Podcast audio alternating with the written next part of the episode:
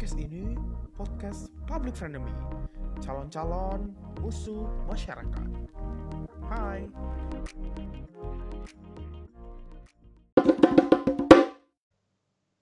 Halo friends, kembali lagi di podcast Public Frenemy dengan seperti biasa host kalian Dimas. Dan kali ini aku nggak nyoret uh, basa-basi aku. Um, ini aku bakal basa-basi sebentar lagi. jadi gimana nih hari kalian gitu? Um, baik dong ya, nggak mungkin nggak baik gitu kan? Mungkin aja sih nggak baik ya. Kebanyakan mungkin nggak baik ya. Aku revisi lagi dan apa ya memang gak usah bahasa basi sih kayaknya ya nggak enak juga bahasa basi um, aku tuh kali ini pengen ngebahas tentang pekerjaan um, aku tuh masih pelajar jatuhnya mahasiswa bisa dibilang um, tapi aku tuh adalah orang salah satu yang paling concern dengan pekerjaan. Karena uh, pekerjaan itu tuh sesuatu yang apa ya ujung-ujungnya tuh bakalan kita tuh ke situ juga gitu. Ujung-ujungnya walaupun kita resisten misalnya terhadap kapitalisme ini itu ini itu kita tetap punya pekerjaan yang kita nyari duit gitu di antaranya gitu bukan di antaranya sih memang tujuan itu ini ya.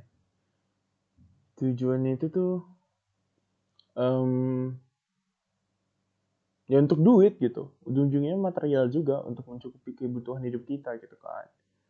Um, salah satu hal yang ngebuat aku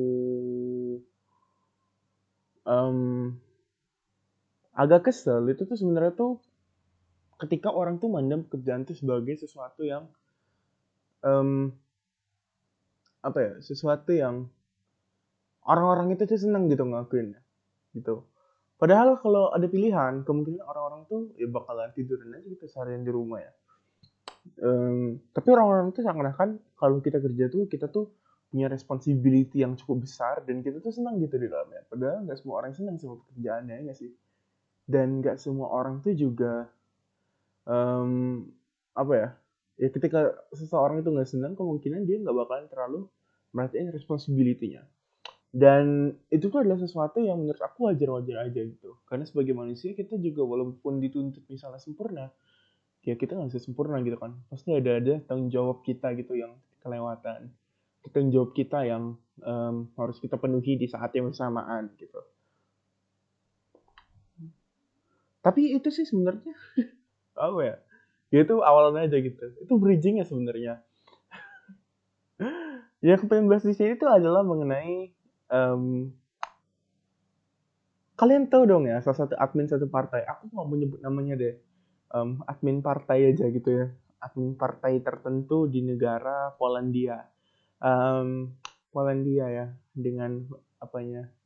Apa? Gambar burung ya di Polandia.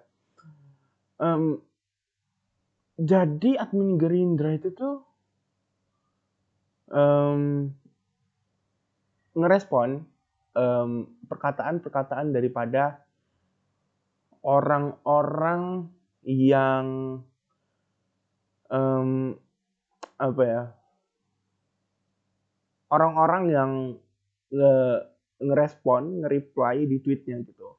Jadinya dia tuh uh, ngerespons dengan ya dengan apa yang disuruh bosnya ya nggak sih? Kalaupun apa yang nggak disuruh bosnya apa yang udah dikasih tahu yang harus dibalas ketika ada begitu gitu. Jadi dia ada SOP-nya gitu loh ada prosedur kerjanya gitu biasanya. Dan ini bahkan nggak usah jauh-jauh ke partai misalnya kita ke organisasi aja gitu. Pasti orang-orang di sini tuh orang-orang asik ya pernah gabung ke organisasi. Pasti juga tahu kalau organisasi itu pasti ada SOP-nya juga maksudnya pasti ada ya ini job desk kamu tuh gini gini gini. Kalau ada orang yang gini gini gini kamu harus sebut gini gini gini gitu. Terlebih lagi yang paling salah satu yang paling penting itu adalah PR gitu. Aku tuh pernah jadi ya aku pernah jadi PR memang. Tapi aku tuh juga pernah nggak jadi supervisor jadi supervisor gitu istilahnya. Ketika udah ya ketika udah mau tamat aku jadi supervisor. Dan di situ tuh aku tuh ngerasa kalau um,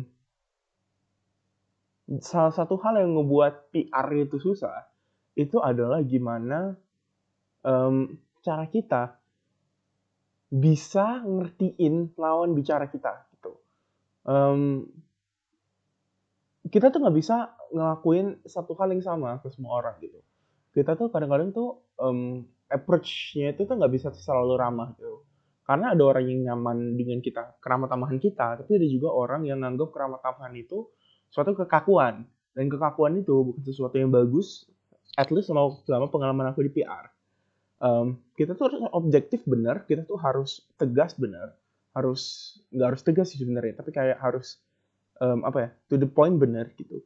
Tapi salah satu yang penting itu adalah kita tuh juga harus um, peka gitu terhadap lawan bicara kita jadi misalnya nih misalnya ada perusahaan gitu ya pengen um, kerja sama sama organisasi aku atau aku pengen kerja sama organisasi mereka deh maka aku tuh bakalan ngegunain sesuatu yang formal tapi tetap bisa persuasif gitu. Misalnya gini um, assalamualaikum pak gitu ya atau bisa gitu deh um, yang lebih universal aja selamat pagi pak.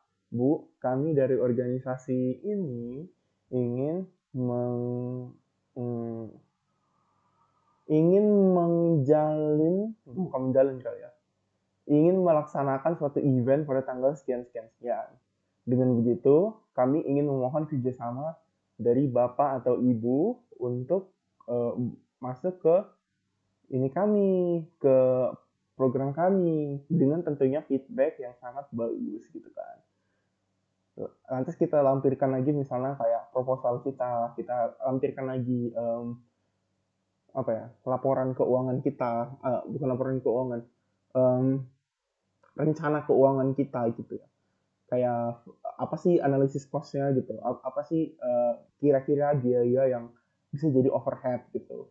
Apa sih biaya-biaya yang kira-kira uh, apa sih bagaimana sih perhitungan kita tentang biaya-biaya overhead gitu misalnya nah itu tuh adalah sesuatu yang PR itu tuh harus sampaikan. Jadi itu kan udah formal ya tapi setelah itu ketika misalnya orangnya ini tuh balasnya dengan um, apa ya orang uh, pihak yang kita ingin jalin ini itu lebih tua ya gitu. Dan dia tuh ngebales dengan uh, kurang sopan misalnya itu tuh tetap sopan gitu. Dan itu yang itu yang maksud aku mengerti konteks gitu loh. Ketika ada orang yang ngomong uh, ketika kita itu bisa analisis kondisi daripada situasi percakapan gitu loh. Dan ini kan yang lebih tua jadi mau dia sopan sopan kita harus tetap sopan. Um, beda ketika misalnya aku jadi PR dan ada peserta yang ngeluh gitu ke aku. Misalnya peserta dari satu event ya. Ada yang ngeluh ke aku maka aku tuh harus jadi orang yang tegas gitu dan to the point gitu jadinya misalnya dia bilang e, bang ini kenapa zoomnya begini begini begini ya? Oh iya ini oh, oh kok zoomnya begini begini begini ya? Iya kak, seperti yang sudah kami sampaikan di rules and regulation, kalau zoom itu bakalan begini begini begini gitu.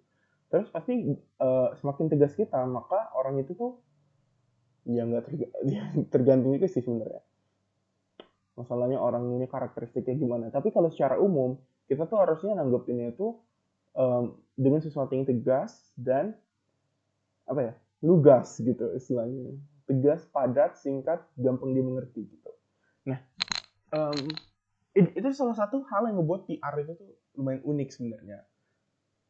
Um, karena even di situasi yang bener-bener kita dicaci maki misalnya udah caci makian semua nih kita, tuh tetap nggak boleh kayak ke apa ya uh, lose control of our emotion gitu. Kita nggak boleh ke bablasan istilahnya. Um, ya kita tuh nggak boleh kebablasan dan kita tuh harus tetap menjaga citra daripada perusahaan uh, perusahaan atau organisasi yang kita pertahankan gitu. Nah itu sedikit background aja dari PR um, PR ini juga ada beberapa hal yang harus diterangin adalah pertama-tama itu biasanya dia tuh nggak gini dia tuh memposisikan diri itu sebagai um, pendengar gitu. Jadi dia tuh bukan seseorang itu yang mengambil sisi gitu. Dia tuh bukan orang yang apa ya dia tuh bukan orang yang bisa nyediain keputusan gitu. Itu tuh PR jadi PR tuh biasanya tuh uh, adalah orang yang biasanya tuh either menawarkan kalau menawarkan kan bukan berarti memberi ya tapi kita menawarkan gitu. Tapi perlu persetujuan dua pihak gitu. Baik dari ketua event maupun dari um, pihak yang kita ajak diskusi gitu ya. Nah um, atau PR tuh juga bisa memberikan opsi yang memang sudah ada gitu. Nah itu PR tuh. Um, ya itu jadinya dia tuh um, dia tuh nggak boleh menyediakan solusi tiba-tiba. Karena ketika dia menyediakan solusi tiba-tiba tanpa persetujuan tim maka ya um, timnya itu tuh belum tentu mau menuhin apa yang PR ini katakan gitu um, be beda beda jadinya kalau yang ngomong ini misalnya itu ketuanya gitu ketua project gitu maka ketua project ini kan sebenarnya punya otonomi yang lumayan absolut ketika dia berada di suatu project gitu ya jadi ketika misalnya dia bilang A, ya yang lain bilang A gitu. Tapi kalau public relation itu beda lagi gitu. Terlebih lagi ketika udah kita udah masuk ke komplain peserta atau ke komplain partisipan gitu. Kemungkinan ketika kita nggak bisa apa ya, ketika kita tuh nggak bisa uh, menuhin ekspektasinya, maka backfire ke kita tuh akan makin besar ketimbang kita bilang nggak bisa gitu. Karena kita tuh dipandang sesu, uh, sesuatu yang eh seseorang yang um, bilang bisa padahal nggak bisa gitu. Jadi kita tuh seakan-akan uh, ngebohongin dia gitu. Dan kita tuh nggak pernah mau ngebohongin orang-orang yang kita itu tuh bener-bener perlu gitu. Nah, kalau yang diperlukan itu kejujuran. Dan kejujuran itu memang bisa dikonstruksikan, tapi lagi-lagi kejujuran itu adalah sesuatu yang sebenarnya bisa disanggupi gitu. Sesuatu yang disanggupi, sesuatu yang diamini oleh kemampuan kita sendiri gitu ya. Nah, kalau kita nggak ada kemampuan, ya kita nggak boleh ngomong gitu kembali lagi ke partai tadi yang mungkin masih akan ku selip-selipin tentang public relation. Jadi gini, ada orang yang bilang, tanya Ed Green, jadi kan ada kasus pemerkosaan ya, dan pemerkosaan sekali lagi itu nggak bisa dibenerin di mana pun latar belakangnya, ya tetap aja yang salah itu pemerkosa gitu. Jadi kita bilang gini, tanya Ed Gerindra, apa, aduh kesebut lagi. Ya udah deh, tanya Ed, partai burung apa aja kadernya yang ini masih aktif? Kalau masih ya balik ke masing-masing aja. Gimana mau nyikapi partai ini? Gitu maksudnya partainya harus memberikan sanksi kepada orang tuanya atas kejahatan yang dilakukan anaknya. Gitu. Nah mari kita analisis ya. Kayak sesuai yang aku bilang tadi. Pertama-tama dia tuh um, sesuai dengan audiensnya itu gimana? Dan kalau di sini ini tuh salah satu tuh akun bodong gitu. Kita, uh, eh, sebenarnya kita tuh nggak boleh juga nganggap akun bodong itu tuh adalah at, at least tahu aku ya. Iya yeah, uh, Messi pakai peci I think ya itu akun bodongnya jadi um, jadi salah satu etika ketika bertemu akun bodong itu tuh bukan ketika itu tuh bukan sebenarnya yang paling tepat tuh dengan uh, apa ya dengan bersikap seolah-olah orang ini tuh identitasnya tuh gak penting gitu itu adalah sesuatu yang salah menurut aku. Walaupun dia followersnya nol, bisa jadi dia tuh punya resources yang banyak. Gitu. Dan itu menurut aku nggak strategis ketika kita ingin menghadapi uh, apa ya seseorang ya apa pun itu latar belakangnya. Karena berdasarkan pengalamanku juga, kalau kita um, kalau kita tuh uh, kalau kita tuh harus ngasumsiin setiap orang tuh punya capability yang sama gitu. Ketika kita uh, bisa ketika kita nyortir gitu capability-nya gimana kita tuh nggak akan pernah tahu gitu. Karena matriksnya itu beda-beda ada orang yang followersnya banyak gitu dan kelihatan kaya tapi ya tetap juga gitu. Nggak mau ngasih duit yang nggak mau keluar banyak gitu. Tapi ada juga orang yang benar-benar konsumtif tapi uh, kelihatannya itu uangnya nggak banyak gitu. Dan itu nggak boleh kita uh, apa ya kita tuh sifatnya itu harus apa ya memposis memposisikan diri sebagai pendengar gitu. Ya itu sih rasaku tapi selain pendengar kita tuh juga sebagai pihak yang netral gitu. Jadi kita tuh bisa menyediakan solusi berdasarkan hal-hal yang udah ada atau kita juga bisa menanya uh, apa ya memberi ide tentang solusi apa yang mungkin bisa dilakukan gitu ya. Um, dan di sini menurut aku sikap sikapnya itu dismisif um, ketika kita bilang kalau ada orang yang nanya baik-baik nih, um, lalu kita bilang maksudnya partai harus memberikan sanksi gitu, itu tuh kita tuh udah um, apa ya? Pertama-tama kita tuh udah ngasih um, pilihan gitu dan ya sesuai dengan yang aku bilang tadi tapi kita tuh nadanya tuh juga apa ya nadanya tuh juga harus um, membuat kedua pihak tuh ngerasa ini adalah yang terbaik gitu. Jadi misalnya ketika dia bilang, maksudnya partai harus memberikan sanksi kepada orang tuanya atas kejahatan yang dilakukan anaknya, gitu, gitu kan. Orang orang-orang bakalan baca nadanya itu sebagai sesuatu ketika orang tuh kesel, ya sih? Kan kayak gitu ya. Oh, jadi maksudnya makannya apa ya? Oh, jadi maksudnya kamu lebih mentingin apa game daripada aku gitu, gitu kan. Itu kan oh kamu lebih masuk uh, oh kamu lebih mentingin aku daripada game gitu lebih mentingin game daripada aku ya udah stop di situ kayak oke okay, gitu. Lebih game daripada kamu ya benar gitu kan. Tapi gitu kalau udah pendiri sama begitu tuh kayak seakan-akan kita tuh apa ya kita tuh mem seakan-akan kita tuh ada kesalahan gitu di di dalamnya. Dan mengindikasi kesalahan itu um, bukan sesuatu yang aku rasa tanggung jawab daripada seorang admin gitu. Um, tapi balik lagi, kalau ini memang adminnya adalah orang yang kompeten, ketika dibilang kayak gitu ya mungkin sah saja gitu. Tapi ya setahu, uh, tapi ya kita ngasumsiin aja kalau dia nih, uh, tapi kalau kita asumsiin dia nih orangnya cuman kompeten di uh, di public relations gitu um, maka gue ngerasa ini bukan langkah yang tepat gitu karena lagi-lagi citra perusahaan itu tuh eh, citra organisasi itu tuh menjadi sesuatu yang um, penting untuk dijaga dan dengan bilang gitu ini cuma empat kata loh istilahnya. Empat kata ini tuh um, apa ya?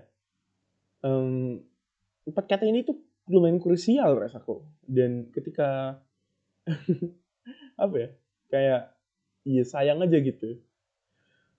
Harusnya rasaku bisa lebih sopan sih. Nah tapi udah kita dan sampai situ ya. Kita dan sampai situ itu kan tadi sum sumbernya ya sumber yang ngebuat ada 99 retweet di sini um, dan banyak banget orang yang balas gitu um, Tapi balik lagi sih, kalau kita ngomong tentang PR, kita juga ngomong tentang manusia rasaku. Yang, yang aku bilang awal tadi, setiap pekerjaan itu ya nggak mungkin sempurna gitu. Um, setiap pekerjaan itu uh, tidak harus sempurna, tapi kesempurnaan itu adalah tujuan dari pekerjaan gitu. Ada orientasi dari pekerjaan. Um, dan ketika kita berada di suatu posisi sama juga gitu. Dalam suatu posisi kita tuh tidak bisa sempurna, tapi kesempurnaan adalah Uh, tapi kesempurnaan adalah tujuan daripada atau orientasi daripada suatu posisi gitu. Um, apa? Ya? Di satu sisi aku ngerasa um, ada beberapa hal yang secara PR itu tuh yang kurang strategis di sini. Itu benar. Tapi balik lagi kalau kita itu daripada kita ngasih janji kita tuh lebih bagus bukan lebih bagus sih tapi kayak mari deh kita komparasi um, ada or ada uh, ada berita buruk nih misalnya di perusahaan di organisasi aku oke. Okay? dibilangnya organisasiku itu misalnya apa ya? Uh, orangnya itu ateis semua gitu. Um, maka langkah langkah yang aku katakan bukan um, lang lantas semua orang itu bilang oh bubarkan dari semantik bubarkan dari uh, nggak sampai gitu juga sih ya. Bubarkan dari SMA ini gitu. Ya bubarkan dari SMA ini gitu gitu. Um, ya aku ngerasa um, langkah yang tepat itu tuh bukan dengan kita uh, bersifat condescending gitu loh. Bersifat apa ya? Kayak sinis gitu. Yang harus kita lakuin adalah sebaliknya. Kita tuh harusnya ngasih tahu kalau um, oke okay, kami mendengar apa yang kalian bilang. Akan tetapi kami tidak bisa men, akan tetapi saya tidak ada kekuasaan untuk mengatakan iya atau tidak karena akan ada misalnya uh, investigasi investigasi lanjutan gitu misalnya mengenai uh, keimanan daripada uh, organisasi kami gitu misalnya. Um, dan itu juga yang seharusnya aku rasa seharusnya terjadi di sini gitu.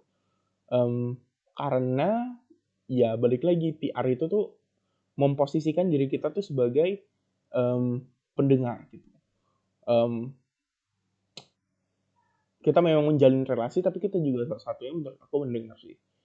Karena ya itu mendengar concern orang itu tuh maunya tuh didengar.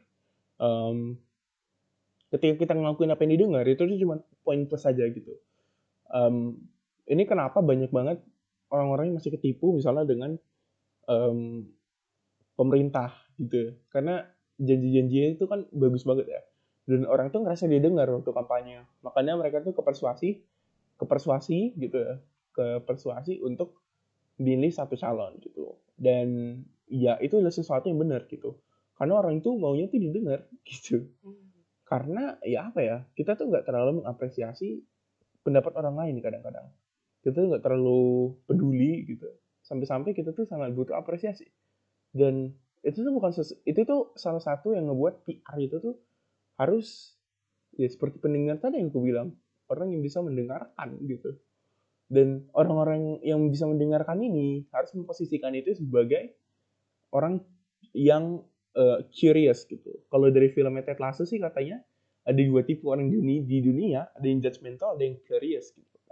Curious, nggak tahu aku udah ngomong gimana. Pokoknya ada yang menghakimi, ada yang penasaran gitu. Jadilah orang-orang yang penasaran karena ya walaupun kita dibilang kepo dan lain sebagainya, kita tuh tetap uh, akan dipandang orang itu sebagai seseorang yang mau mendengarkan. Dan itu tuh ada sesuatu yang penting.